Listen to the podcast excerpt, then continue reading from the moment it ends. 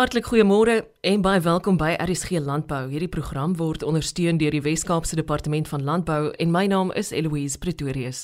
Dis my heerlik om so lekker vroegdag saam met jou te kuier. Vanoggend se program is vol handige inligting en soos altyd gesels ons met kenners om jou met raad en kontakbesonderhede te voorsien. Dr Vivian Malan is staatsveearts in die Boland kantoor en verbonde aan die Wes-Kaapse Departement Landbou. Hy sluit by ons aan om meer lig te werp op Afrika perdesiekte Ons bekyk ook geleenthede vir veeartse binne die landbousektor, asook die take en verantwoordelikhede van staatsveeartse en hoe hierdie dienste vir boere van waarde kan wees. Suid-Afrika paardesiekte is 'n uh, baie interessante siekte op 'n wetenskaplike gebied.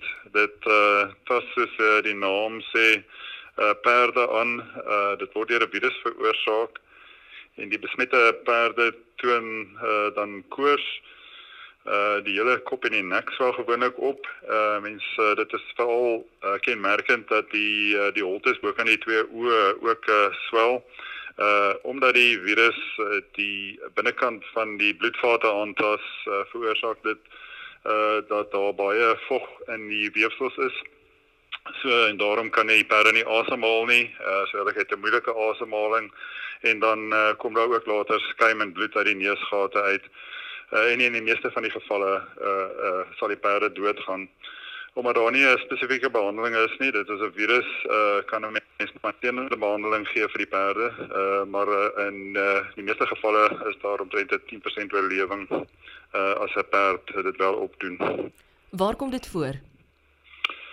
So dis 'n siekte wat uh in in die suidelike deel van Afrika voorkom. Uh en daarom ook in die grootste deel uh, van Suid-Afrika. Uh omdat ons perde wil uitvoer, het ons uh, hier in die Wes-Kaap 'n perdesiekte vrye sone verklaar binne in die stad van Kaapstad. En uh dan word dit omring uh met twee ander uh zones uh, waar ons uh, beheer toepas. Uh 'n waarnemingsone uh, en dan 'n groter beskermingszone. Ehm um, so 'n mens kan uh, hierdie kaart kry vir iemand wat geïnteresseerd is daarop op uh, die webbladsy www.myhorse www.perdesiekte.org.za. Wie hoe versprei Afrika perdesiekte? So perdesiekte word versprei as uh, muggies deur muggies wat uh, besmette perde byt uh, en dan weer ander perde byt. So of natuurlik sal uh, dit dan nou beteken dat uh, hierdie siekte voorkom in die tyd waar daar uh, genoeg water is en vog is vir die uh, muggies om uit te broei uh en dit dan ook redelik warm is. So so mense sien dit hier uh, uh in die herfs en in die lente en dan deur die somer. Uh so dis ook belangrik uh om te weet dat uh die siekte uh, versprei dan as 'n besmette perd nou 'n nuwe gebied toe, gebied te beweeg en soos enige ander virus siekte is daar 'n tyd wat die perd uh die virus uh in sy stelsel sal hê sonder dat daar simptome simptome gesien kan word. Kan mense of ander diere ook hierdie siekte kry?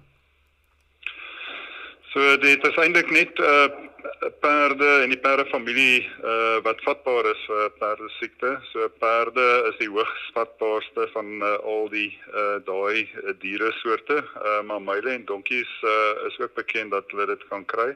Zebras is ook in dieselfde familie uh en hulle uh, word wel besmet met die virus, maar hulle toon nooit enige kliniese tekens nie. Uh, en dit is 'n belangrike reservoir dan dan vir die virus uh, sodat die muggies dit uh, weer van die van die zebras af kan versprei. Dit is ook bekend uh, dat honde al siek geword het wat uh, perde siekte vleis besmette vleis geëet het. En daar is uh, daar is dalk uh, gevalle waar uh, die honde ook deur muggies gebyt is, maar dit is nog nooit regtig bevestig nie. Maar so ander diere of mense word glad nie ehm um, deur perde siekte aangetast nie.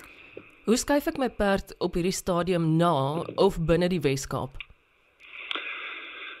So die Weskaap het 'n uh, uh, en uh, die res van die land het 'n uh, ooreenkoms uh, wat ons openbare privaat vennootskap noem uh, met 'n organisasie wat se naam is South African Equine Health uh, and Protocols uh, is ehm um, so en hierdie organisasie uh doen vir ons die meeste van die beheermaatreëls uh, namens die uh, staatsveldse hier in die in die Boland. Uh want daar is nou nogal uh baie reëls afhangend van watter sone uh die perde in in kon uh, kan wees. Uh so die strengste beheermaatreëls uh, vind plaas in die beheerzone, uh, die vryzone uh, wat in die dan in die stad Kaapstad uh, self is. Uh, en dan van daar af uh, uh, is die beheermaatreëls uh, minder en minder van die waarnemingsone na die um, beskermingszone toe. So as 'n mens uh, uitbeweeg uit 'n sone uit na een met 'n laer uh, kategorie, ehm um, is daar dan nie enige spesi enige spesifieks nodig nie, maar uh, as jy wel perde wil inbring in die uh, waarnemingszone of die beskermingszone of die vryzone, uh moet 'n mens eers uh, aansoek doen uh, vir 'n permit om uh, daai bewegings te kan plaas uh, te laat plaasvind. So daar's uh, redelik baie werk wat deur die veeartse dan gedoen moet word om te besluit uh, of daai die perde kan skuif uh, afhangend van uh, watter area die perde uitkom.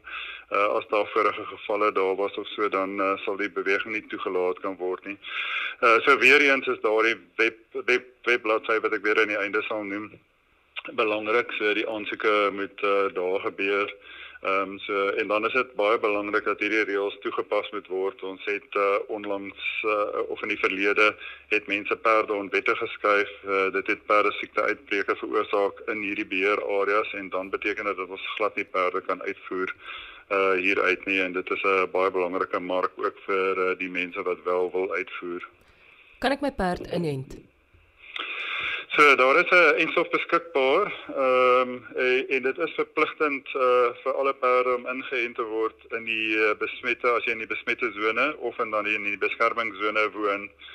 So in die res van die twee beheerareas, so die waarnemingszone en die vryzone, uh, mag jy glad nie jou perd inent voordat jy nie toestemming gekry het nie.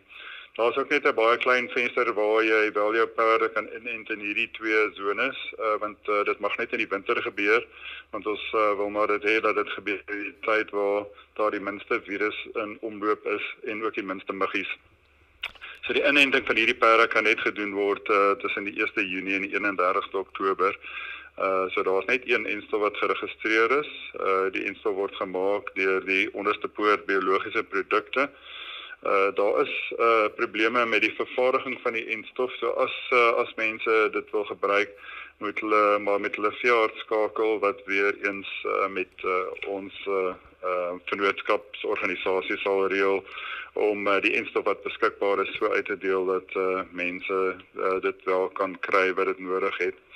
Dit is ook belangrik dat mense moet onthou daar's twee uh, dosisse wat toegedien moet word en dit moet ten minste by 3 weke uitmekaar uh toegedien word. So die die die voorskrifte van die enstof uh, moet uh, goed nagekom word en uh, as 'n mens jou perd wil beweeg, uh moet die perd uh deur 'n veearts ingeënt word en uh al daai vereistes moet ook nagekom word uh soos die veearts sal weet wat gereeld met die perde werk wat skuif. Hoe anders kan ek my perde beskerm? Uh omdat uh, dit moeilik is om die enstof in die hande te kry, is die enigste ander manier om uh die jou perde te beskerm, uh dan om uh, hulle so ver as moontlik teen muggiebite te te kan beskerm. So uh die maklikste manier om dit te doen is om hulle uh vir ten minste 2 ure voor ehm um, die son ondergaan en dan uh so 2 ure nadat die son opgekom het op stal te hou uh, hulle dan ook te spyt uh, met 'n middel wat muggies spesifiek af afweer en uh, weer eens moet mense maar kyk na die middels wat geregistreer is om muggies uh, weg te hou van perde. Uh, want daar's net sekere van die middels uh, wat wel werk om hierdie muggies weg te hou van perde af. En dan kan mense hulle ook behandel met 'n insekdoder sodat as muggies op hulle kom sit uh, dat die muggies kan vrek. As ek sê in sekere dele van die land, uh, dit is dit uiters noodsaaklik dat mense wel jou uh, perde moet beskerm uh, want uh, die siekte is meestal dodelik. Uh, die ander opsie is uh, om te kyk na uh hoe om die omgewing so onvriendelik as moontlik te maak vir die muggies so droër hoe beter. Vivian die vorige keer wat ons met jou gesels het hier op RSG landbou het ons gepraat oor back and closure Kan jy my asseblief op hoogte bring oor die huidige stand van sake daaromtrent?